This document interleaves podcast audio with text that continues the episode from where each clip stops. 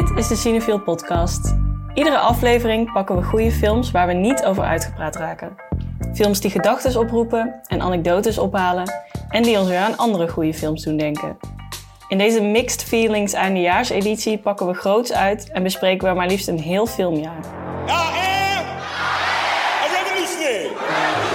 I am. Jullie zijn de dappere zonen waar onze natie trots op zal zijn. We have to take what we can when the taking is good. Seems dangerous. So is anything worth doing? Een jaar dat soms traag voorbij kroop, wanneer we opnieuw moesten wachten op de release van al die films waar we al zo lang naar uitkeken. En soms veel te snel leek te gaan, zoals vorige week toen Spider-Man net twee dagen draaide en de theaters hun deuren alweer moesten sluiten. En toch waren daar niet één, niet twee, maar wel honderd films die geduldig en trouw op ons hebben gewacht. Films die ons raakten en die ons verbaasden. Films om je vrienden mee naartoe te slepen of juist om in je eentje te zien. Sommige films maakten het ons lastig, andere gaven een quick fix. Ze likten onze wonden, slikten onze tranen en schudden ons weer wakker. Ontelbaar veel goede films dus. Het was het wachten waard en dat zal volgend jaar weer zo zijn. I'm not pretty. I'm good looking. Ik zal u tonen wat u zien wilt. Father, Son, and the House of Gucci. Will they kill me, do you think? Vandaag blikken we terug op filmjaar 2021. Het jaar waarin Mats Mikkelsen met ons de champagne ontkurkte, waarin Summer of Soul ons toch nog een festivalervaring kon geven en waarin Dune en No Time to Die echt het wachten waard bleken. Het was het jaar waarin Lauren, Jesse en Maan op het filmfestival van Cannes tussen de palmbomen en de sterren verkeerden en waarin we met z'n allen vragen mochten stellen aan Celine Sciamma. Een rollercoaster van emoties dus, vol ongeduld, filmliefde en wederom overdreven veel Adam Driver. Ik ben Jente Buskus en met mij op de Zoom-verbinding zitten mijn collega's Maan, Jesse en Fien. Hallo. Lauren is er vandaag niet bij, die is heel druk met eh kerstkrantjes bakken en andere eindejaars eh, ja, verplichtingen. Maar gelukkig zijn jullie er. Welkom. Ik moet wel zeggen, Maan, ik ben een beetje teleurgesteld dat je dit keer geen kerstlampjes in je haar hebt gedaan. Want dat was vorig jaar wel echt het hoogtepunt van deze hele podcastopname. En nu, Ja, eh, ja, ja. Nee, ik had het wel gewild, maar alle batterijen zitten in mijn opnameset. Oké, nou, dat Dus is wel een goed excuus. Ja. Hey, ik vroeg me af, ik was gisteren, nee niet gisteren, vorige week, op de valreep nog naar ehm, Spider-Man eh, No Way Home gegaan. Gelukkig. Sorry aan iedereen die niet meer kon. Ehm, en toen zat ik daar in de zaal tussen al die fans die zo helemaal hyped waren en waarin zo'n heerlijke energie was met mensen die gingen juichen en klappen en eh, huilen naast je. En toen dacht ik, oh, dit is waar ik het voor doe. ik hou van de bioscoop. En ik vroeg me af eh, bij welke film jullie dat dit jaar hebben gehad. Dat je in de zaal zat en dacht, oh, wat is de bioscoop toch een heerlijk plekje. Eh, ja, ik, eh, ik zal het waarschijnlijk nog wel een paar keer zeggen deze podcast, maar ik ben dit jaar vader geworden, drie maanden geleden. En ehm, we hadden, mijn vrouw en ik hadden denk ik na twee, ja, na twee maanden en acht weken hadden we een date night. Dan zijn we uit eten geweest en ehm, we zouden naar de film gaan. Tussendoor moest nog even gekolfd worden in een Starbucks, dat hoort er ook bij. Eh, en toen zijn we naar eh, de French Dispatch geweest in de Uitkijk, een heel klein theaterachtig filmtheater in Amsterdam. En ehm, ja, dat voelde meteen weer heel erg als naar de film gaan. Ik was tuss- tussendoor ook wel alleen geweest, maar dit was echt zo'n uitje. En met van die mensen die net iets te dichtbij kwamen. Of dat ik zo in de rij moest langs voetjes en dan bijna iets om, omstoten. En er werd net iets te hard gekletst. Eh, het was echt die filmervaring. En eh, de French Dispatch eh, van Wes Anderson is ook echt, echt zo'n filmische film waarin heel veel gebeurt. Ik had ook het idee dat ik meteen vier films had gezien, zeg maar. Eh, dus dat, dat voelde heel erg van, oh ja, dit is... Dit is waar Dit ik is het cinema. Ja, ja. En jij, Maan? Ja, ik had, eh, zal ik het misschien ook nog wel vaker over hebben, deze podcast. Ik had heel erg veel zin in de re-releases van de Wong Kar Wai films. En ehm, ik ben ook naar allemaal geweest, behalve The Hand. Sommige zelfs twee keer gezien. En ja, gewoon één ervaring, dat was Drinking Express. Ging ik naar eh, Lab 111 in Amsterdam. En toen zat ik daar in de zaal en ik was met een vriend, uh, shout-out naar Chris. Dat, en het was gewoon vet gezellig dat je weer in de zaal zat en dan even, weet je wel, kort dingen tegen elkaar kon zeggen. Of hij was zo van, dit is zo'n sick nummer, weet je, over muziek in de film. Daardoor had ik echt zo'n gevoel van, oh ja, we houden allemaal van film. En het is gewoon vet gezellig dat zo'n bioscoopzaal ook een plek is waar je dan samen op iets reageert of zo. Of wat je samen meemaakt. Mm dat is voor mij uh, ook een belangrijk onderdeel van de ervaring. Ook al vind ik het ook heel fijn. Ik heb sommige films juist ook helemaal in mijn eentje gekeken. Of bijvoorbeeld dan op zondagochtend in een bijna lege zaal. Uh, ja, dat is juist ook heel leuk. Echt heel fijn. Ja. En Fien? Ja, mijn favoriete bioscoopervaring was dit jaar Cruella. Dat was dus de remake van zeg maar het leven van Cruella de Vil. Uh, maar dan de 2021 versie. En uh, die film, ja, Kijk, ik ben dus zoals jullie allemaal weten niet echt een Disney-persoon. Dus ik was er ook echt anders. Had ik hem gewoon nooit gezien als hij niet in de filmzaal was geweest. Maar ik had gewoon zin in gewoon een leuke film. Had dan een geweldige soundtrack die echt niet tot zijn recht was gekomen als ik hem gewoon thuis had gekeken. Dus dat vond ik echt een film die zoveel meer energie kreeg van, van zo'n setting als een filmzaal. Dus dat vond ik wel echt een hoogtepuntje. Ja, gewoon entertainment. Pure entertainment. Werd er ook uh, meegezongen en gedanst? Of uh, was dat niet... Uh... gedanst, ja wel, want dat ging automatisch. Want die soundtrack is echt gewoon top. Echt gewoon alle hits. Ik denk dat ook gewoon minstens de helft van hun budget is gewoon naar de soundtrack gegaan waarschijnlijk. want er zitten echt gewoon enorme hits in uit de jaren zeventig. Dus, ja, de diepe zakken van Disney. Precies. ja. ja. En ik was nog benieuwd... Jente, heb jij ook gehuild bij Spider-Man? Ja, geklapt, heel Of heb je alleen maar gekeken? Ik Of heb gehuild, niet geklapt, want dat voelde echt een beetje als klappen nadat een vliegtuig landt. Maar ik snapte het wel dat mensen het deden. Oh, ja.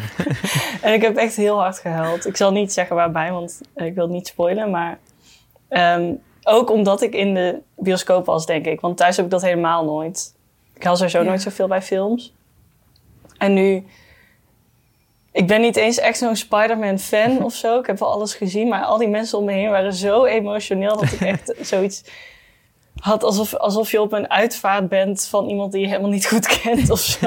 en helemaal meegaat Ja. in de emoties van andere mensen. Maar het was wel heel fijn. Ik liep daar echt naar buiten en zei van, ah, dat is er even uit. Ja.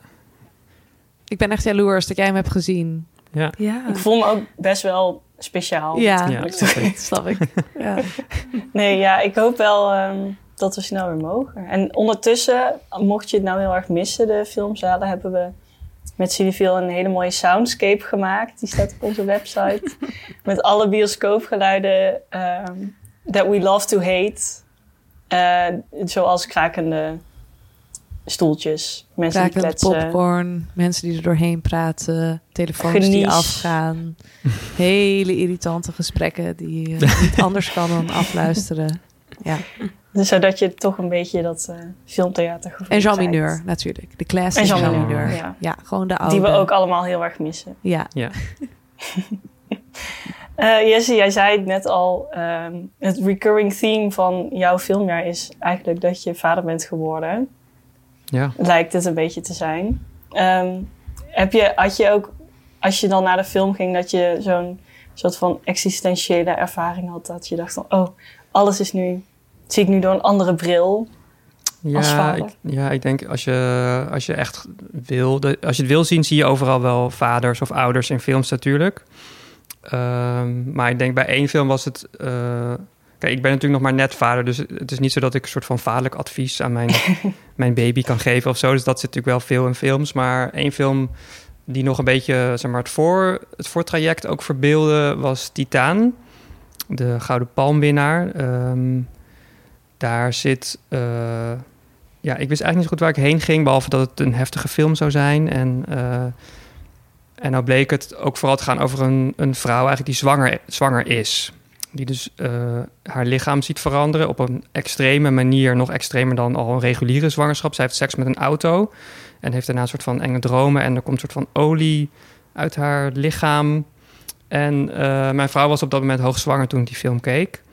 Eh, dus ik was blij dat ik haar niet mee had genomen. Maar dat was wel iets van ik dacht, oh ja, dit is, misschien een, een, geeft een beter idee van hoe mijn vrouw zich nu voelt dan dat ik misschien al wist of zo. Omdat het, het, het vergroot heel erg die emotie of dat gevoel van mijn lichaam is mijn lichaam niet meer. Er zit iets Mhm. in mij wat. Wat het overneemt. Ja. Maar je hebt al die titels. Als in eh, mijn vader is een vliegtuig, eh, mijn moeder is een, eh een Gorilla zo. of zo. Ja. Gorilla heb je ook. Mijn vader Dus is dit een saucies, Mijn, ja. mijn, Mijn lichaam is een mijn auto. ouder is een auto of zo. Of mijn kind Mijn, is een mijn auto. baby is een auto. ja, daar wordt in ieder geval heel erg op gehind. En het was gewoon... Ja, het- dat kwam best wel dichtbij. En het, er zit ook een, een bevallingsscène in... die, zeg maar, wat ik toen nog moest gaan meemaken. Van, oh ja, shit, we krijgen straks ook nog de bevalling. En dus is het dan zoals dit? En hoe heftig gaat dat zijn? En dus, zeg maar, die films die echt gaan over vaders of, of ouders... die, eh, die worstelen met hoe ze met hun kind omgaan... dat was misschien nog niet helemaal eh, het stadium waar ik ben. Maar bij Titaan was echt zo van... oh ja, wow, dit is, dit is mijn leven nu. Maar dan net Maar even dan net anders. niet. Ja, ja. Ik vond het wel grappig dat op een gegeven moment die films die jij net noemde, Maan, die draaiden dan ook achter elkaar. En ik, ik ben ook degene die de agenda soort van in elkaar zet bij Cineville. En dan had ik zo, zag ik zo die blokjes met dan om één uur draaide Mijn Vader is een Saucies. en dan daarna Mijn Moeder is een Gorilla. Daarna Mijn Vader is een Vliegtuig. Ehm, het is wel een interessante triple bill, Ja. denk ik, om naartoe te gaan. maar ehm, ik, ik had ook wel het idee dat er een soort ouderschapsthema in ons, eh, in ons filmjaar zat dit jaar. Er zijn echt veel films geweest over Ja, zelfs moeders, James over Bond. vaders. Ja, ging, zelfs ging, James Bond. Het ging tegen, opeens over ouderschap. Dat je dacht, huh? Waar halen ze dit vandaan? Ja. Nee, maar ook een film bijvoorbeeld als, eh, als Spencer, die echt... Soort, Ja. Het is echt een film over haar als moeder en als familielid ook. Ja, dat Ehm, klopt. Ja. ja, dat vond ik echt eh, de beste film van het jaar, eerlijk gezegd. Spencer. Over Diana. En eh, ja, gewoon een soort van sprookje herverteld of zo. Pablo Larraín heeft daar Mhm. gewoon mee gedaan wat hij, wat hij zelf wou. Wat ik echt helemaal top vond. Eh, maar ik vind inderdaad... Nou, ja, dus, dus Kirsten Stewart als Diana. En ik vind echt haar scènes als moeder. Dus dat je haar echt ziet met haar zoons. eh, William en Harry. Die dan op dat moment iets van... Nou, 8 en 12 of zo zijn. Of eh, zoiets. Mhm. Een beetje die leeftijd. Ehm, die scènes die, die zijn zo overtuigend ook in eh, Kristen Stewart's acteren, vind ik. Dat zij dus echt gewoon transformeert tot moeder van twee van die jongens. Dat ja, vond ik echt, echt zeg maar, het was al een hele sterke film, maar die scènes die springen er ook e- echt uit.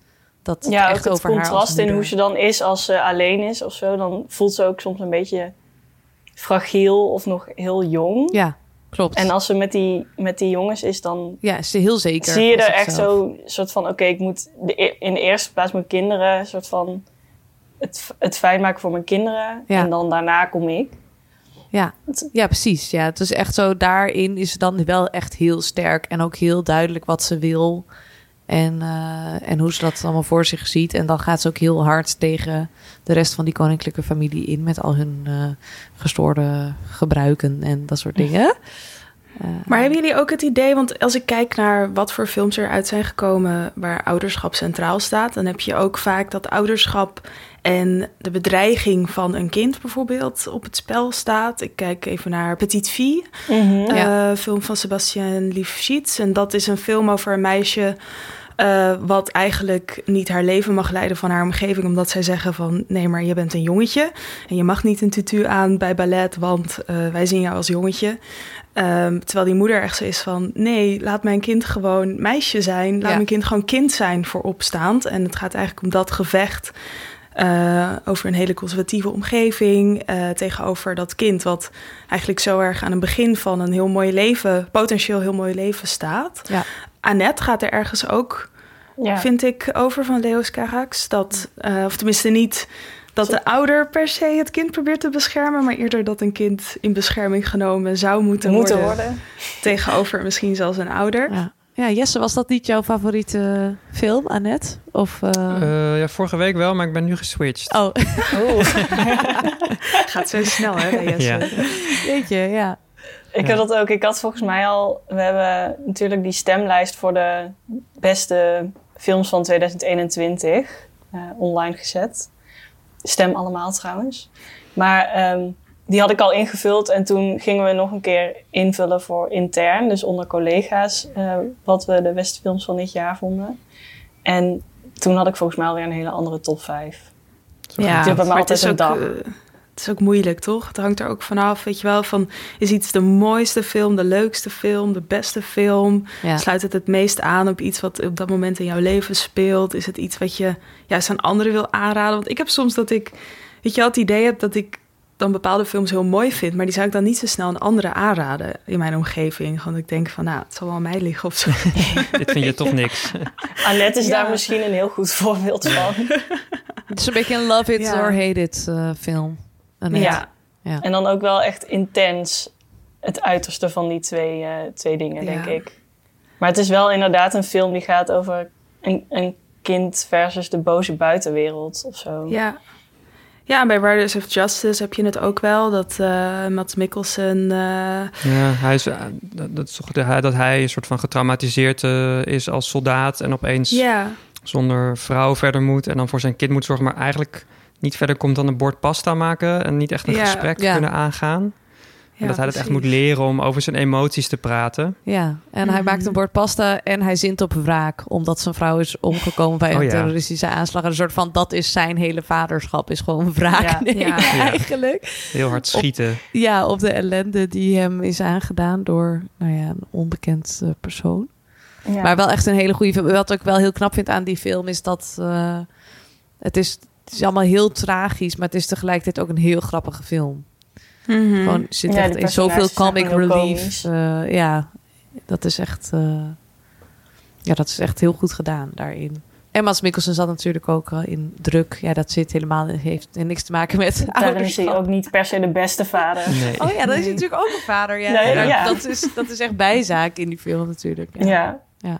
Maar ja, wel... eh, het heeft wel impact op zijn vaderschap volgens mij, dat drankexperiment wat ze aangaan in Ja. druk. Ja, dat Ja. was wel zo'n hele sneu scène dat hij dan soort dronken op de stoep ligt en zijn zoon moet hem, Oh, vindt ja. hem dan daar. Ja, Dat ik wel even dacht van, oh ja, dit moet ik niet eh flikken doen. over eh, tien jaar. ja. Beetje Ja, dat is gedragen. echt verschrikkelijk. Ja. Ja. Ja. Wat ik ook wel echt een hele bijzondere vader-kindrelatie vond, was eh The Father. Maar Olivia Colman Ja. als dochter van Anthony Hopkins in echt een enorm goede rol. En eh, z- zij, eh, ja, zij zorgt dus eigenlijk voor haar. Eigenlijk is die vader steeds meer kind aan het worden, omdat hij dementerend is. En dat is echt, ja, vond ik echt zo goed gedaan. Hoe die rollen dus echt totaal verschuiven van ouder naar kind, van verzorgende naar hulpbehoevend. Eh, die man die wil ook helemaal niet opgeven. Ja, zijn leven eigenlijk wil hij niet opgeven, terwijl het gewoon ja, niet meer te doen is eh, dat hij zelfstandig bijvoorbeeld iets zou, zou of ja, zou kunnen Ja. wonen of wat dan ook. En als kijker ga je ook helemaal mee en dat kom je eigenlijk pas na een tijdje achter dat je echt helemaal ehm, zijn omgeving vanuit zijn perspectief ziet. Dus opeens is de keuken veranderd. eh, of opeens zit er een gang waar eerder nog geen gang was. Of opeens heeft Mm. iemand een heel ander gezicht. Dat je dan denkt, oh, is, dit is hoe het wordt verbeeld. Hoe iemand ja, dit ziet als diegene dementerend is. En dan, en dan pas kom je er eigenlijk echt, word je er echt mee geconfronteerd... hoeveel zorg hij dus eigenlijk nodig heeft van zijn dochter. Hij wordt ook wel steeds kinderlijker of zo. Ja, hij wordt steeds kinderlijker, maar Bijna soms zo'n heel- peuter die zo'n temper Ja, tantrum helemaal boos. heeft, helemaal omdat hij het niet meer snapt. Ja. Wat ook heel begrijpelijk is, want als kijker word je daar ook heel gefrustreerd Ja. van. En weet je wel, jij zit dan nog gewoon op je comfortabele bioscoopstoeltje. Maar eh, ja, dat vond ik Ja. echt heel goed gedaan. En ook gewoon zo goed die relatie tussen ouder en kind eh, weergegeven op een ja, op latere leeftijd, maar. En Anthony Mhm. Hopkins is gewoon echt perfect. Amazing. Ja, Ik ja, heb, hem- echt ik heb hem niet gezien, maar het is de op twee na best bezochte cinefiel film van dit jaar. Oh ja, nou dat Oh, snap ik echt helemaal. Het is echt Ja? zo, eh, zo goed. En ja, het was wel echt gewoon huilen. Huilen in de bioscoopzaal. Echt ho- 100 procent. Even ontladen. Gewoon kapot daar. ja, het is echt Ja. verschrikkelijk. Maar dat was dus ook wel weer... Vond ik trouwens ook een mooie bioscoopervaring. Iedereen was gewoon super emotioneel eh, aan het eind van die film. Maar eh, ja, het is ook zo typisch bij zo'n, bij zo'n huilfilm... Dat, dat dan ook, dan is de aftiteling en dan blijft iedereen ook zo zitten... omdat iedereen zijn tranen nog even moet weg. eh, Ja, ja, ja, ja, ja. Ik was ook helemaal kapot bij Covades Aida. Oh ja, het is ook een Dat hele ook, eh, intense Ja, gewoon ouder dat... kindfilm. Precies, van eh, Jasmila Zbanic. Ik vond ook het interview, J- Jente, wat jij had gedaan met haar... vond ik heel, eh, heel goed. dank Gewoon een... ja, alsjeblieft. het gaat over, de, eh, over Srebrenica en over de genocide. En ja, het, het, is, het is gewoon een geschiedenis die zo extreem is... en zo kort geleden heeft plaatsgevonden. En ook die zo eh, dichtbij komt vanwege de hele link eh, met de Dutch Batters, met, met Nederland. Eh, weet je, het zijn beelden die ik dan... Ik bedoel, ik ben in 95 geboren, dus ik heb het meer van daarna meegekregen. Maar die nasleep heb ik wel degelijk meegekregen. En, maar toch had ik nooit echt het verhaal op deze manier meegekregen. En eh, ja, gewoon dat, dat al die ouders van al die mannen bijvoorbeeld die daar zijn omgebracht. ehm, ook hè, veel van die jonge mannen die hadden dan bijvoorbeeld net kinderen of dat soort dingen, weet je wel. Van dat zijn gewoon mensen ja, die gewoon nog een heel leven voor zich hebben. Terwijl Mhm. ze zo'n, zoiets verschrikkelijks mee hebben gemaakt. En ik vond dat dat zo bijzonder in beeld werd gebracht. Ehm, ja, dus in het ervoor, het moment zelf, maar vooral ook het erna. Dus dat je gewoon niks meer hebt, hè, dat je aan de hand van botten... Je Ja. moet gaan uitzoeken wat er met je kind is gebeurd. Precies, Ja. of eh, hè, van herken je het botje van je kind of niet? Dat soort Ja. absurde dingen. Maar het was op zo'n ja, gevoelige of, of empathische manier weergegeven... dat je als kijker er gewoon niet omheen kon. En dat vond ik heel bijzonder, omdat het juist zo'n geschiedenis is... waar, waar we zo graag niet zoveel aan denken, zeg maar. Omdat het zo heftig is. Ehm, Ja, echt een hele mooie film inderdaad. ja, En de film uit Bosnië ook echt. Dat, dat voorheen Ja. krijg je misschien natuurlijk de, de Nederlandse journaals, de Nederlandse dramaseries, reconstructies. Eh, Mhm. Ik heb, ja, ik kan me voorstellen dat perspectief, eh, want er zitten wel Nederlandse acteurs in, toch? Het is een soort co-productie. Ja, ja. Maar dan toch dat perspectief heel anders is als je dat zo eh, ja, van een maker uit die regio gewoon hebt. Dat dat heel anders eh, ook aanvoelt voor jou als, als Nederlander misschien. Dat dat gewoon een soort, eh, Mhm. even die andere blik eroverheen. Ja, zeker. En een andere film waarbij ik heel erg moest huilen. We hebben afgesproken dat we maar één keer mogen zeggen dat iets je favoriete film was. ik zet mijn kaart bij deze in. Dat was Minari Ja. van Lee Isaac Chung. die afspraak is overigens vooral... heb ik bedacht om mezelf in bescherming te nemen. Want Maar Twilight is dit jaar niet uitgekomen. Jente. nee, en, en dan, dan worden het toch weer tien andere. Dus we doen het één keer. Maar voor jou is dus Minari. Dat is ook wel echt een hele mooie... Ja, het is een migratieverhaal eigenlijk. Eh, over mensen die vanuit Zuid-Korea naar de Verenigde Staten zijn getrokken. Eerst naar California, naar de grote Koreaanse gemeenschap. En daarna naar eigenlijk een niemandsland, waar ook een paar Koreanen zaten. Maar vanuit een idee van, we gaan hier een boerderij opzetten. En eh, het zijn jonge ouders met jonge kinderen. Ehm, en dat idee van ergens opnieuw beginnen op hoop van een beter leven voor je kinderen of wat dan ook. Ehm, ja, ik denk dat dat iets is waar ja, door allerlei factoren, politieke factoren, et cetera, in veel contexten nogal negatieve bijsmaak eh, bij is gekomen. Van oh, gelukzoekers en weet ik veel wat. Maar in beginsel is het iets wat je doet ja, vanuit liefde ook. En Mhm. vanuit eh, ja, het idee dat er meer mogelijk is of zo. En, en, en ook eh, ondernemerschap in die zin. Dus juist het idee van, nou jongens, we moeten hier zelf wat van maken Ja. van dit leven eigenlijk. Het is ook eigenlijk precies wat het land Amerika van mensen verwacht, toch? Dat je eh, iets van jezelf maakt en pulling Ja. yourself up by your bootstraps. Ehm, Ja, precies. En die American Dream, eh, of in dit geval dan de Korean American Dream, die blijkt gewoon best wel eh hoog gegrepen te zijn. En eigenlijk hoort het niet voltooien van die een soort eh, fantastische American Dream, hoort juist bij die American Experience, zeg maar. Want het is een nogal onhaalbare standaard Ja. eigenlijk. En minari, dat staat ook voor een soort groente... wat dan eigenlijk onkruid is, wat heel erg woekert... maar waar je, wat ontzettend voedzaam is. En, en dat... ehm, dat idee van, ook al heb je het idee dat je faalt of zo, weet je wel, van er is altijd een uitweg. nou, dat vind ik, eh, dat vind ik toch wel, eh, vond ik wel mooi. Mooi gedaan. Ja. Ja. Ik heb het idee dat het eh, tegenovergestelde daarvan, zeg maar, van een soort van juist de, de, de ja, zeg maar echt het mooie van Min Minari en ook een soort van het mooie van familie, van een Ja. ja. familieband. Dat zeg maar het tegenovergestelde daarvan zie ik, zeg maar, ik heb het dus niet gezien. Volgens mij heeft alleen Jens hem gezien van ons, maar in The Last Daughter. Dat je daar juist heel erg geconfronteerd wordt met, zeg maar, De lelijke kant. de lelijke kant van, van de familieband. En ook Ja. van een soort van juist, weet je wel, waar Minari echt zo heel erg gaat over zo'n soort van droom najagen. Of nou lukt of niet. Maar zo'n soort van, er zit zo'n beweging in.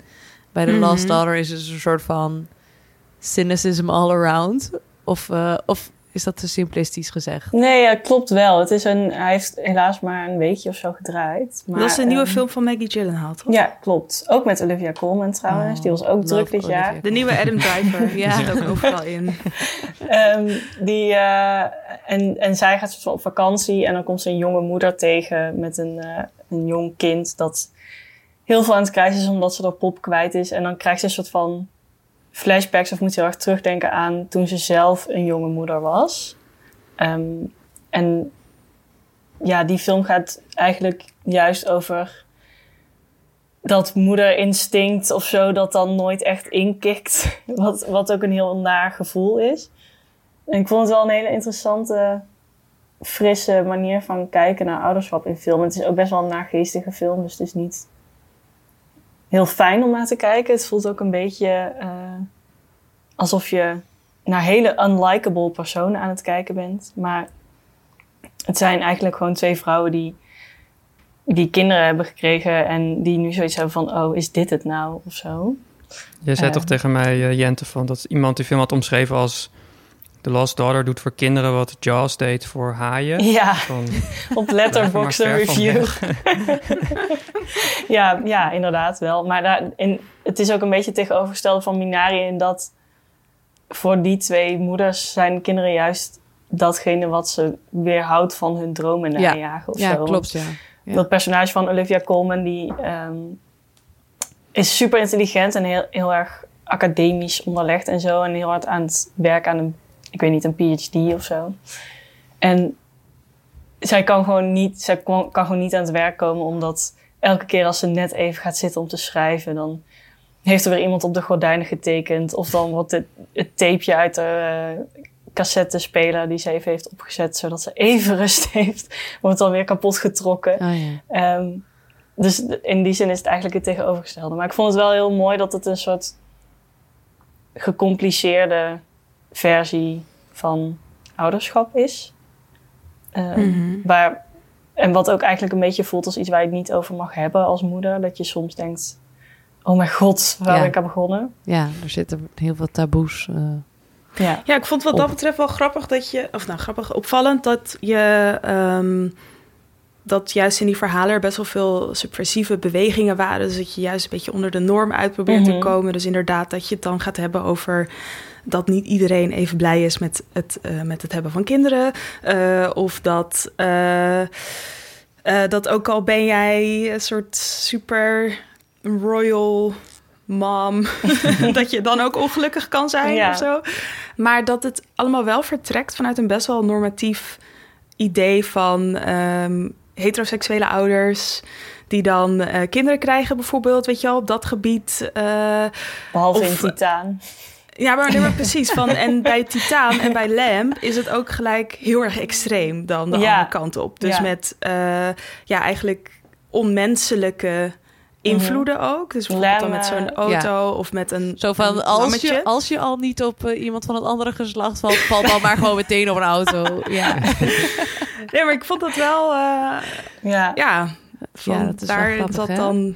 ja dat, mensen zijn zelden een soort van casually queer. Gewoon Ja, in, eh, dat, eh, eh, misschien überhaupt in film natuurlijk. Ja, je had natuurlijk Anne Plus als gewoon de ultieme queer film van het jaar, vond ik in ieder geval. Ja. Mhm. Eh, waarin het gewoon gaat over allemaal mensen en die zijn toevallig queer. Maar bij deze film, tenminste die serie, is, lijkt dat wel een beetje zo te propageren. Terwijl die film toch dan wel weer heel erg gaat over. Ehm, Dat dat als thema centraal staat of zo. ja, toch wel. Vond, vond ik wel Ja. over, weet je wel, met een non-binair persoon erin, waar die dan allemaal dingen moet uitleggen. Dat vond ik wel echt jammer, omdat het verder juist zo goed is gedaan dat iedereen gewoon lekker gay is, maar dat het gewoon gaat over hun leven en over hun conflicten en eh, Mm. een soort van friends, maar dan queer of zo. Wat minder problematisch. Ja, het is niet allemaal zo'n... eh, zo, ja, dat ook, maar eh, inderdaad. Maar ehm, ja, ik vind dat het juist het sterke aan Anne Plus. Dus ik vond dat in die film net een, dat die verhaallijn was net een beetje te bedacht of zo. Ja, of gewoon van niet per se voor. Het is er, er wa- kwam heel veel naar voren van ik dacht van de, de queer doelgroep die weet dit. Weet je wel, dus dan Ja. voelt het een beetje dubbel op om dat uitgelegd te krijgen. Maar het is wel weer een film waarmee je dan, ik weet niet, als jij eh 15 bent en eh, het Ja. idee hebt dat je heel erg veel aan je ouders moet Ja. uitleggen. Ja, dan is het dan heerlijk eh, dat dit van, bestaat. eh, hey, kom even mee naar Anne Plus, Ja. weet je wel. Dan wordt weet je heel veel meteen alles. uitgelegd. Ja. En dan Ja. heb je een soort eh, grond om eh, op verder te gaan. Ja. Ik bedoel zeker niet om te zeggen van Anne Plus is alleen een film voor kinderen of zo, maar meer van het is heel fijn dat het bestaat eh, Ja. voor mensen die inderdaad. Ja, ik bedoel sowieso fijn dat het bestaat en dan helemaal voor Ja. mensen die nog niet zo. ehm, ja, nog niet zo hun plek hebben gevonden. En dat je daar dan echt wel aan merkt van, oh, die plek die is er wel. Ik heb hem alleen Ja. misschien nog niet gelokaliseerd. Maar Ja. hij bestaat wel. Maar goed, maar dat is weer eventjes helemaal ver van het thema ouderschap af. Want Nou ja, niemand vond- in Anne Plus ze krijgt een kind. geloof Als we het Maar het hebben gaat wel over voor een family. eh, Ja, dat Familie. Je hebt daar ook een Nederlands woord voor. Familie. Family. Eh, ik vond een, als, als je het hebt over soort queer ouderschap of zo, vond ik eh Madres Paralelas echt heel mooi. Die is helaas die heb ik nog niet gezien. Ja. die zou eigenlijk volgens mij vorige week uitkomen of zo, maar die komt nu volgend jaar, begin volgend jaar uit. Oké. Dat is de nieuwe van Pedro Almodovar. En die Maar ik maakt heb het helemaal hem- goed. Die maakt het helemaal goed. Ik heb hem op eh Liv gezien, Leiden Filmfestival. En dat is echt sowieso heerlijk. Pedro Almodovar, Ja. felle kleurtjes, goede fashion. Ja. Penelope Cruz. Eh, en, eh, Maar waar gaat hij over? En heel fijn om naar te eh, kijken. Maar het gaat over twee moeders ehm, die samen in het ziekenhuis liggen terwijl ze bevallen. Dus ze zijn parallele moeders. Oh ja. Ehm, en ze raken bevriend en ze hebben beide een soort van rare verhouding met de vaders van hun kinderen. Maar krijgen dan wel een hele bijzondere band eh, tussen of met elkaar. En het is een best wel queer film. Volgens mij is alles wat Pedro Almodovar maakt ergens wel queer. Of, of heel erg Of- in your face. En of het niet. gaat over moeders. En het gaat over moeder. Het gaat ook Ja. altijd over moeders. Ehm, maar wel op een... eh, ja, dat het niet het punt van de film is of zo. Dat Ja. vond ik wel heel fijn. Oh, leuk. Ja, ik ben benieuwd. Ik heb er wel zin in. En ook een hele fijne soundtrack. Want speaking of soundtracks... Mooi brug. Bruggetje. Ehm, ik heb voor het fragmentenrondje van dit keer gevraagd... of jullie je favoriete soundtracks van dit jaar mee willen nemen. En ehm, ik wilde beginnen met die van jou, Jesse. Want dat is een mooi lied om mee te beginnen. Ja, dat, ik heb meegenomen So May We Start uit Annette. Niet mijn favoriete film van het vorig jaar. Maar, Ehm, Daar komen we nog achter. Annette is een musical en So May We Start is ook het openingsnummer. Heel erg letterlijk wordt de film eigenlijk geopend met een nummer dat gaat over mogen we beginnen. Er wordt ook gezongen van eh, daar is de exit. Ga maar zitten. We hadden budget, maar niet genoeg. Ehm, dus dat is voor mij, vond ik dat een hele mooie techniek om die film ook neer te zetten als een soort van toneelstuk of iets wat niet per se, wat je niet per se hoeft te linken aan de werkelijkheid. Er gebeuren best wel rare dingen in die film. Eh, het gaat over een eh, komiek die verliefd is op een eh operazangeres. Ze krijgen samen een kindje en nou ja, die hele film lang wordt er gezongen. Nou, ik wil ook niet te veel verklappen, maar er gebeuren best wel rare dingen. En door zo te beginnen met een heel theatraal lied, waarin ook de regisseur die zegt ook als eerste van, nou, zullen we beginnen? Het soort van, jongens, dit is een stuk. Dit is niet een soort van uit het leven gegrepen, maar dit is een, een, een fictie. En eh, ik heb die film gezien in Cannes. Het was ook, eh, we waren naar het filmfestival. Het was de eerste film die we zagen. eh, op de openingsavond. Het nummer heette So May We Start. Dus het was allemaal, kwam allemaal mooi samen. En ik heb toen ook elke ochtend, als ik dan weer om half zeven, nou half, zeven, half acht naar de eerstvolgende persverstelling liep met het nummer. En de zon kwam op en ik had So May We Start in mijn oren. Het was echt perfect was het. Dus ik, ik heb mooie herinneringen aan het nummer en het, het paste ook precies in ja, wat er gaande was. Dus eh, vandaar, So May We Start. So may we start. So may we start. It's time to start. High time to start. Ik vond het ook wel leuk dat dat lied best wel lang duurt. Dus dat je op een gegeven moment ook denkt van... oké, ik begin nou maar met die film. Ja. Ja. Wat, wat was jouw ehm, Favo soundtrack moment van dit jaar? Ja, daar heb ik echt lang over moeten nadenken. Want ik, eh, ik had echt bijna, nou niet bijna ieder nummer, maar een hoop nummers uit de Wonka Wai films in de release, re-release zaten kunnen doen. Maar ik heb toch gekozen voor ehm, Dreams van eh V. Wong. Een cover van de Cranberries, omdat die had ik toen in de podcast ook laten horen. En toen hebben zoveel mensen me nog geappt. Zeg maar gewoon mensen die ik ken van... eh, oh my god, zo'n chill nummer. Weet je wel? Dus toen dacht ik van nou, dat maakt het voor mij nog extra, extra leuk. En het komt uit de film eh, Chunking Express, waar ze ook zelf in speelt.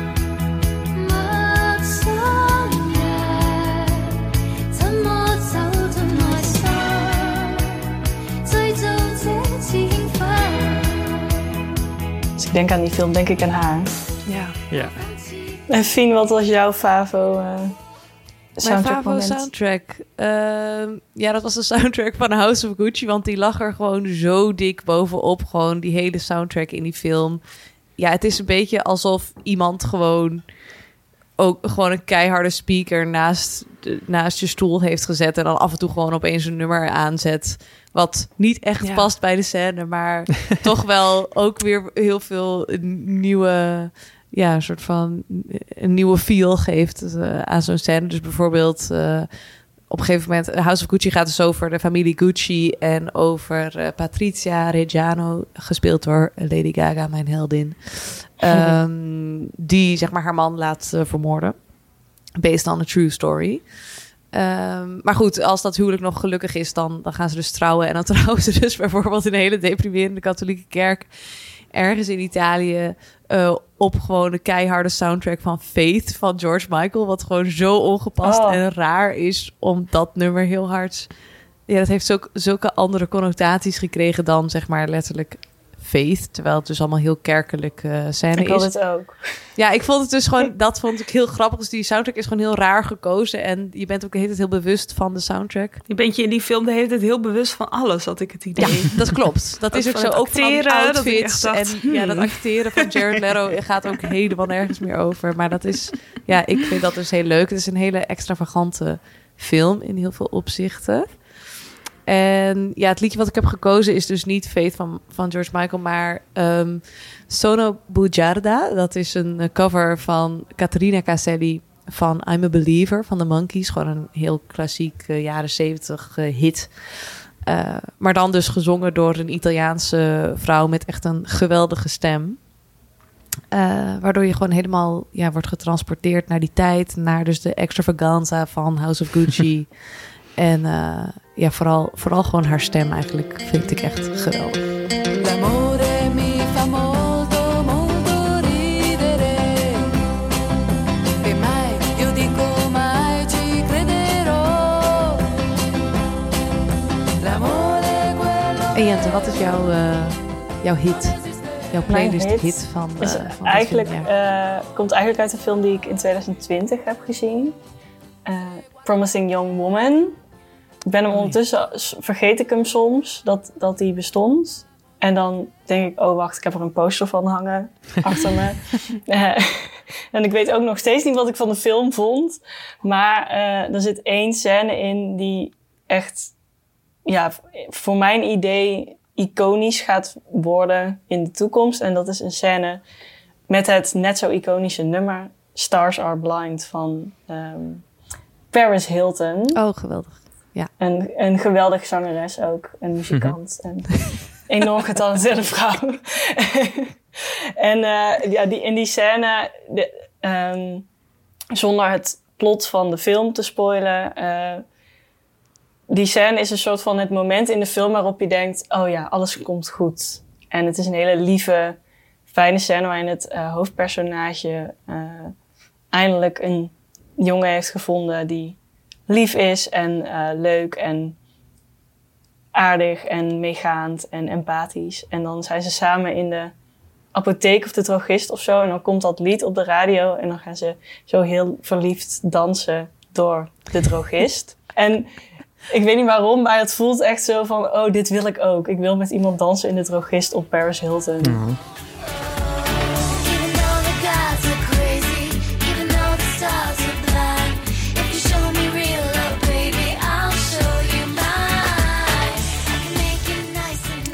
Oké, dank voor jullie eh, muzikale intermezzo's. Ehm, ik wil nog even terugkomen op eh, House of Gucci theme, want ik vond dat een soort van emblematische film voor dit jaar, omdat het een beetje duikt in een vergeten geschiedenis of zo. Ja. Ik, eh, ik vond het wel, grappig hoe, hoeveel films er dit jaar uit zijn gekomen over best wel belangrijke gebeurtenissen of, of hele heftige gebeurtenissen of ehm, dingen die best wel veel impact hebben gehad op het leven nu. Waarvan ik dacht, oh, ik heb hier echt nog nooit van gehoord. Bijvoorbeeld dus die, eh, dat verhaal van Gucci. Ja. ja, dat klopt. Dat was ook inderdaad ook een verhaal wat ik ook nog niet eerder had gehoord. Omdat ik, toen ook, ik ook hoorde dat deze film uitkwam, dacht ik... Oh ja, inderdaad, die ene man die is doodgeschoten. Maar toen dacht ik dus aan die ene man van Versace. Die is doodgeschoten. En toen dacht ik, oh my god. Ik wist niet dat er iemand van Gucci was die ook was doodgeschoten. En waarom gebeurt dit zo vaak in de Precies, jaren in de, 80? in de in de Italiaanse modewereld? eh, in de jaren tachtig. Ja, dat is een goed antwoord, eh. Maar, ehm, Ik had dat ook bij, eh, bij de veroordeling heel erg. Oh ja. Dat, ik, dat ik dacht van, huh, hoezo had ik hier nog nooit van gehoord? Oh, had je er nog nooit van podcast. gehoord? Oh ja, dat, dat was dan wel weer iets waar ik wel echt mee ben opgegroeid met die hele zaak. Ja, En, eh, maar dat is dus inderdaad dan ook zo'n ding als je dan net drie jaar later of vijf jaar later geboren bent eh, Ja. en er nooit middenin hebt gezeten, dat je dan helemaal niet weet dat het gebeurd is, terwijl het zo'n big deal was. Ja, want misschien kunnen we eventjes eh, de veroordeling recap eh, proberen te doen. Ja, Zeg maar, het gaat over een journalist van Netwerk. Met echt een geweldige soundtrack. Netwerk. Ik hoop dat we die hier eventjes in kunnen zetten. Want dit is echt de soundtrack van mijn jeugd, zeg maar. Ja, echt en helemaal. dit zegt mij dus ook helemaal niks. En die, eh ja, goed, die journalist die eh, gaat Bas dus... Haan. Bas Haan, inderdaad, zo heet hij. En dit is ook gewoon based on a true story. Dus hij heet ook gewoon echt Bas Haan. En die, eh, die doet onderzoek naar de Deventer moordzaak. En de Deventer moordzaak is eigenlijk ook een soort mediazaak. eh, want Maurice de Hond, eh, ons allerbekend helaas, gaat zich ermee bemoeien. En die, ja, die geeft dan allemaal ja, een soort van... Die, die beschuldigt iemand die dit dus helemaal niet heeft gedaan. En daar gaat die film over. En het is echt een soort van... Ja, soort van duik terug in 2002 of zo. Of wanneer speelt het precies? Het Zoiets. zegt zoveel over de Nederlandse Ehm, media. ja, Nederlandse media na de moord op Pim Fortuyn. Ehm, dus eh, echt de, de grote opkomst van de eh, praatprogramma's, de talkshows, waarin Ja. iedereen met die, hè, waarin er liever wordt gekozen voor iemand met een sterke mening dan iemand die ergens expertise overdraagt. Ehm, wat eh, Waar ja. Maurice de Hond heel goed in is. Ja, Mhm. Ja, we moeten wel. echt oppassen hoor. Straks dan we een soort smaad. eh Oh. Nou ja, maar dit aan onze is broek, gewoon alleen maar- maar in wat er, hoe Maurice de Hond wordt neergezet in deze film. Die wij niet hebben Ja, gemaakt. precies. maar Laten we die het houden bij de film. Ehm, ja, dus dat, ik, ik vond dat wel bijvoorbeeld een hele goede manier van echt een geschiedenis die, nou ja, die inderdaad, Jente, ja, jij kent deze geschiedenis niet. Ik was er wel bekend mee. Ik denk dat dat een beetje verschilt. Ehm, maar eh, dat je toch wel weer echt op een andere manier daarnaar kijkt. Net zoals die film over Lucia de B bijvoorbeeld. Dat was ook zo'n Ja. zaak. Mhm. Zo'n gerechtelijk, gerechterlijke dwaling. En er zitten ook echt talkshow-fragmenten in die film, toch? Ja, in de veroordeling. ja. Dat vond ik ook een sterke En ook met keuze. Peter R. de Vries. En, eh, Maar ja. daardoor is, wordt die film ook zo sterk omdat je echt ziet... Het is bijna een soort reconstructie eerder dan een, dan een, eh, een work of drama, zeg maar. Ja. Dus dat is, Ja. echt heel goed, eh, is echt heel goed gedaan. Ik vond ook eh, een wat heftigere, maar ook een, een film die ook wel zo'n zo'n geschiedenismoment soort van opnieuw aan het licht brengt. eh, was Judas and the Black Messiah.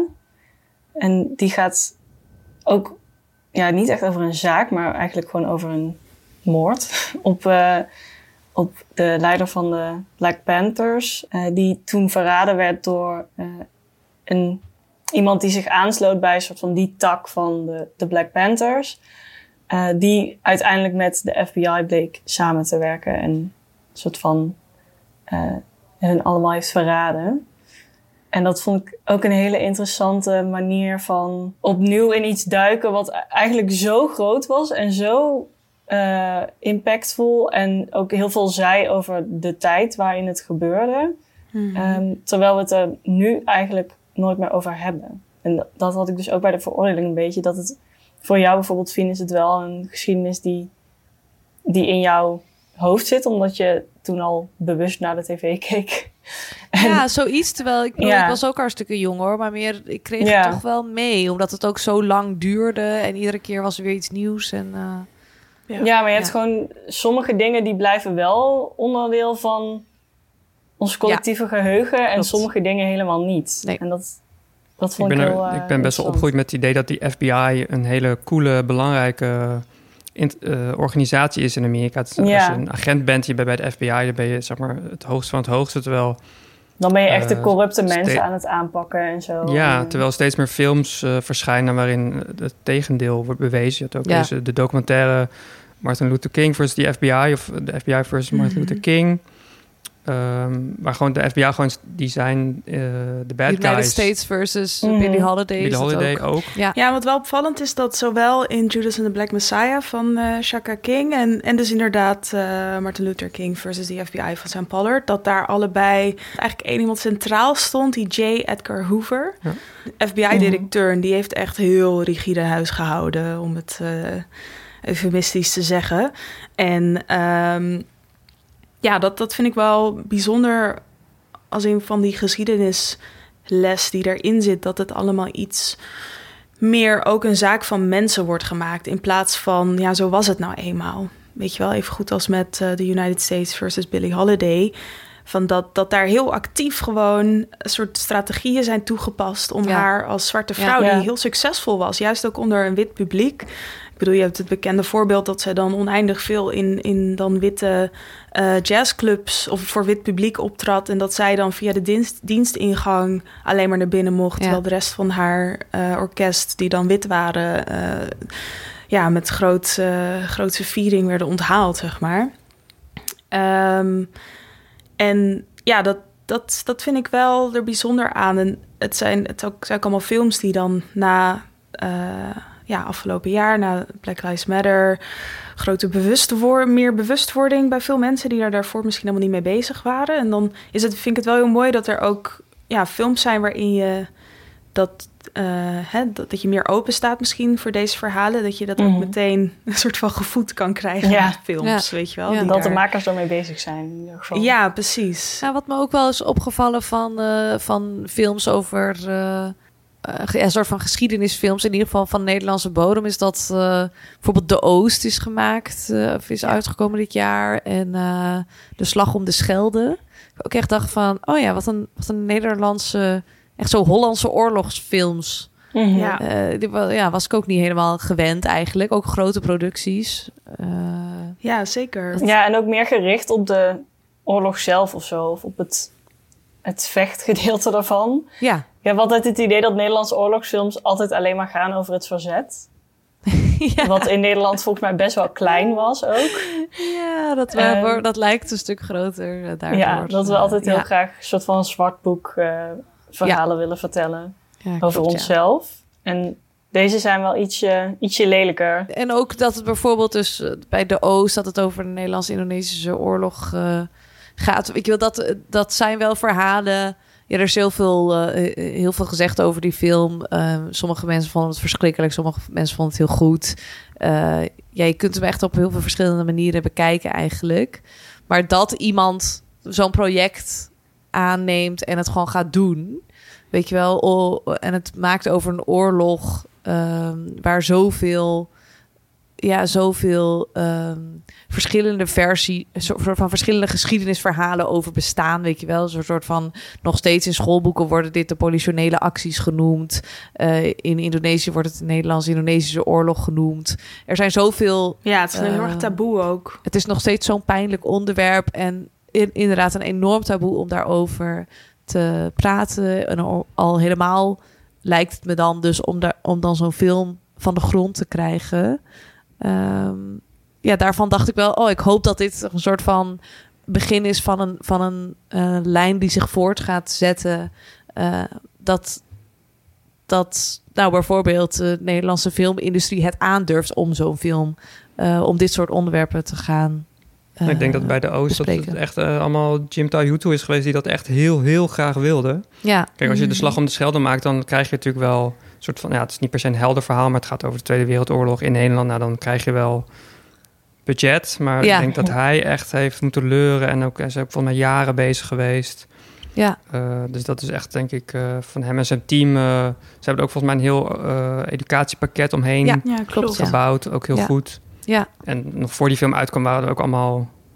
Was meteen ook een boycott of een ja, meteen gezeur of censuur. Of nou ja, gewoon. Dan weet je ook eigenlijk meteen dat je een goede film te pakken hebt. Precies, Ja. want je weet meteen van hoe gevoelig dat ligt. Ja. En Ja, en dat het wel iets losmaakt. Ja, het maakt echt iets los en het is echt de moeite waard om die film. En volgens mij is hij nu ook eh, online wel te zien op verschillende platformen. Om gewoon te kijken. Ik vond het echt een interessante film. En ik vond het ook Ja. heel prettig om hem gezien te hebben. Gewoon om te weten van waar gaat al die ophef eigenlijk over. En je voelt Mhm. gewoon van dit is zo'n open wond in de Nederlandse geschiedenis. Mhm. En dat is gewoon, ja, echt, vond ik echt heel sterk dat, dat eh, hij deze film eh, heeft, eh, daarover heeft gemaakt. Ja. Maar inderdaad, er, er is, het is gewoon nog steeds heel relevant. En ik denk ook juist heel relevant hoe Nederland naar zijn eigen geschiedenis eh, kijkt. Dus Ja. dat vond ik een goed voorbeeld van een film die dit jaar is gemaakt, die echt even een, een, ja, echt een schijnwerper erop, eh, erop zet. Mhm. Ja. Oké.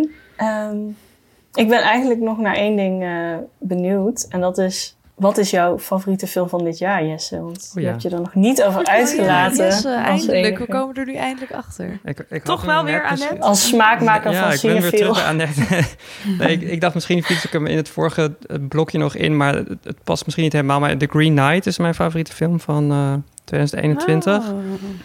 Ehm, een verfilming van een, ja, een verhaal uit de tijd van eh, koning Arthur. De, de, eh, heel, heel, heel lang geleden. En het is een soort van ook opnieuw kijken naar die geschiedenis, naar dat verhaal uit de, de 14e of 15e eeuw. En wat ik daar heel mooi aan vond, was dat... Dev Patel. Ja, een hele mooie man, speelt de hoofdrol. Dev Patel. En eh, nou ja, dat, dat zie je ook niet Hele goede hij, eh, sexy posters ook. ja, en- gewoon een goede, goede knight. eh, of tenminste, hij is geen knight. Hij, hij zit aan het hof van koning Arthur. En van hem wordt verwacht dat hij een soort van eh, avontuur beleeft... om eh, ja, toegelaten te worden tot de elite... om ook een keer echt een ridder te zijn met een goed verhaal.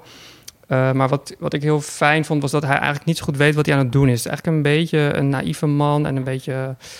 eh, hij weet niet zo goed wat hij wil en hij laat zich maar een beetje meesleuren. En Ehm, terwijl vaak in dit soort verhalen over ridders zijn het hele, hele zelf, zelfverzekerde figuren die, die een soort van eh, missie hebben en die dan ook uitvoeren. En bij hem, hij struikelt het er een beetje in eigenlijk. En ehm, het vertellen van verhalen is ook een heel erg belangrijk thema in die film. Er zit bijvoorbeeld een poppenspel zit erin, er zitten liedjes in, er zitten schilderijen in. Het gaat ook heel erg over wie vertelt het verhaal en welke verhalen worden bewaard.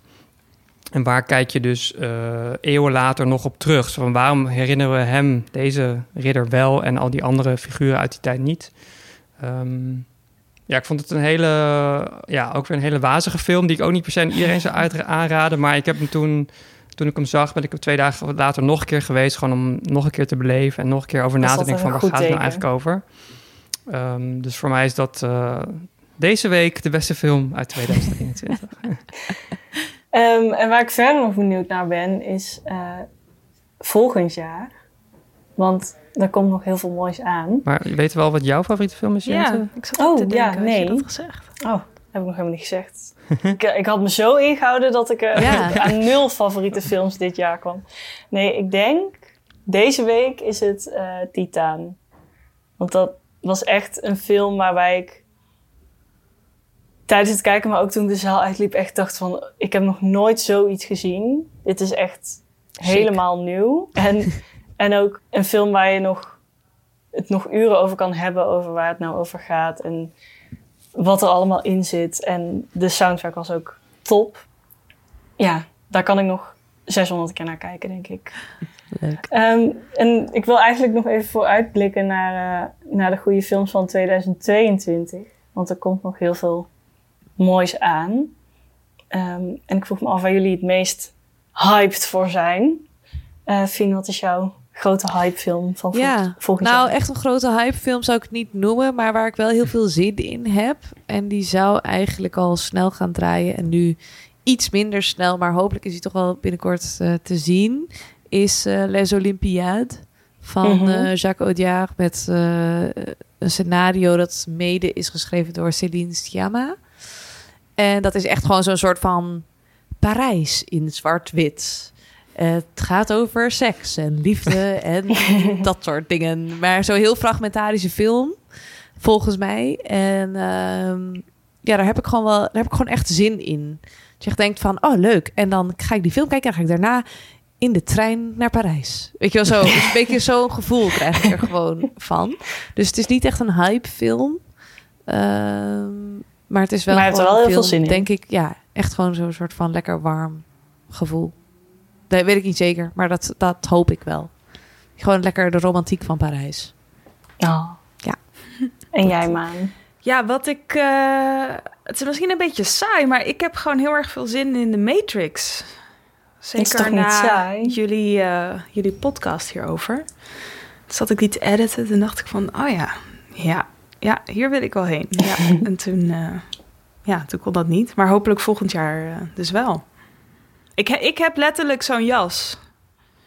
Oh ja, Ik klopt. heb- en ik had dus, ik ging naar de supermarkt en toen had je daar een bewaker. en die zei toen tegen mij: eh, Hey, jij komt uit de Matrix. En toen heb ik een soort van. Toen probeerde ik zeg maar die, die achteroverbuig eh dingen te doen, weet je wel. Maar dat was toen En vet toen viel je raar, om. Omdat het gewoon midden in de winkel was en ik het echt niet kon. Dus die man die keek me toen ook een beetje zo aan van... Ja, oké, loop maar door. Ja, oké, toch niet. Nice. De Matrix eh, doet rare dingen met mensen. Ja. Ja. En jij, eh, Jesse? Eh, jij bent natuurlijk ook heel erg hyped voor de Matrix. Zeker, ja. Ik had, hem, eh, ik had hem eigenlijk gisteren willen zien, maar helaas. Nog even wachten. Ehm, dus daar ben ik heel hyped voor. Ik ben ook heel erg hyped voor een Japanse film van 179 minuten. Drive My Car van Hamaguchi Ryosuke. Ehm, gebaseerd op een kort verhaal van Murakami. Is altijd leuk. En ehm, ja, ik weet niet precies wat het verhaal is, maar er zit iets in eh, over een toneelregisseur, een toneelstuk van eh Chekhov, eh, knalrode saap. Niet per se dingen die mij heel erg aanspreken, maar ik hou wel erg van Japanse films. En Thomas Hosman, onze directeur, die heeft hem in kant gezien, die was dol enthousiast. En hij komt nu in alle lijstjes voorbij, alle eindejaarslijstjes bij Cahiers du Cinema, maar ook de filmcritics van LA en van New York. Obama Barack Obama had hem op zijn van. lijstje staan. Dus ja, daar ben ik. Het, Ja. Op papier zit, behalve Murakami, is het niet echt een hype film, maar ik ben echt super hyped. Ik heb er heel veel zin in. En ehm, eh, volgens mij, als het goed is, komt die eind maart naar Cineville. Ja. Top, ook zin Leuk. in. En jij, Jente? Ik eh, ga lekker eentje pluggen die ik al gezien heb. Namelijk de Souvenir Part 2 van eh, Joanna Hawk. Die heb ik ook eh, op het Leidse Filmfestival gezien. En ik hoop gewoon heel erg, dat dit is mijn oproep aan distributeurs, dat die wordt aangekocht. Want eh, vooralsnog heeft hij geen release datum in Nederland. Ehm, en het is het vervolg op De Souvenir, die in 2019 is uitgekomen. Eh, en toen was die ook onderdeel van Previously Unreleased eh, van I. Dus die is toen ook wat later nog alsnog uitgekomen, wat kleiner. En dat vond ik toen echt zo'n prachtige film over een jonge filmstudenten. Een beetje semi-autobiografisch is het. Die eh, verliefd wordt op een man die ietsje ouder is en ook eh, drugsverslaafd blijkt. En die hele wervelwind van een relatie, eh, daar gaat die film over. En in deel 2 gaat Julie, die filmstudenten, een film maken over die relatie. En ik moest ook heel hard, heel hard huilen, wat ook niet vaak gebeurt. Toch en, wel. eh, ja, toch wel. Toch ja, het was een zwaar jaar. nee, eh, ja, ik vond het een hele ontroerende film en heel, heel mooi dat er nog een deel 2 is. Want het voelt niet, als je de souvenir kijkt, denk je van, oh, dit was het. En dat is ook prima. Ehm, en toen een sequel werd aangekondigd, dacht ik, huh, hoezo, waarom? Maar ik vind het wel een van de mooiste films die ik heb gezien dit jaar. Dus ik hoop heel erg dat heel veel mensen hem kunnen zien. Brieven schrijven. Brieven schrijven allemaal. Nou, dank jullie wel voor jullie goede tips en anekdotes. En allemaal maar één lievelingsfilm hebben uitgekozen. Ja, dat hebben we knap gedaan. Ja. En we hebben ook weer zoveel films niet genoemd die op zich wel het noemen waard waren. Maar dat geeft me weer aan zeg maar, dat er toch, ondanks alles, wel echt genoeg moois te zien was. Ja. Ja, Daar Absoluut. moeten we ook even bij stilstaan. Ja, gelukkig. Ja, stilstaan bij het goede. Kunnen Ja. jullie nog raden wat de best bezochte film was? Van, want ik zei dat de vader was de op één na best bezochte film. Oeh, ja. Oh, ja. June? Ik denk druk. Ja, ik denk ook druk. Of, Druk. ja. Ja? Druk. Ja, Ja, echt heel populair. classic. Ja. Ja. En een heel goede oud en nieuw film ook trouwens. Ja, Oh ja, Met tip. gewoon champagne. Een en al champagne. Ja, of niet. en ook meteen een goede PSA om dan daarna aan Dry January te ja, beginnen. dat klopt. Ja. Nou, Fien, Jesse en Maan, heel erg bedankt. Jij ook bedankt, Jente. Dit was hem weer, de Cineville podcast. Wil je al die goede films die voorbij zijn gekomen nog eens rustig nalezen? Dan vind je ze in de show notes van deze aflevering. De volgende keer zijn we er weer met een nieuwe aflevering in het nieuwe jaar. In de tussentijd kun je aan je filmtrekken komen op Vitamine Cineville en kun je met ons meepraten via podcast.cineville.nl en op Twitter via @cineville_pod. Tot de volgende keer. Doei. Ja, tot dan. Doei. Doei.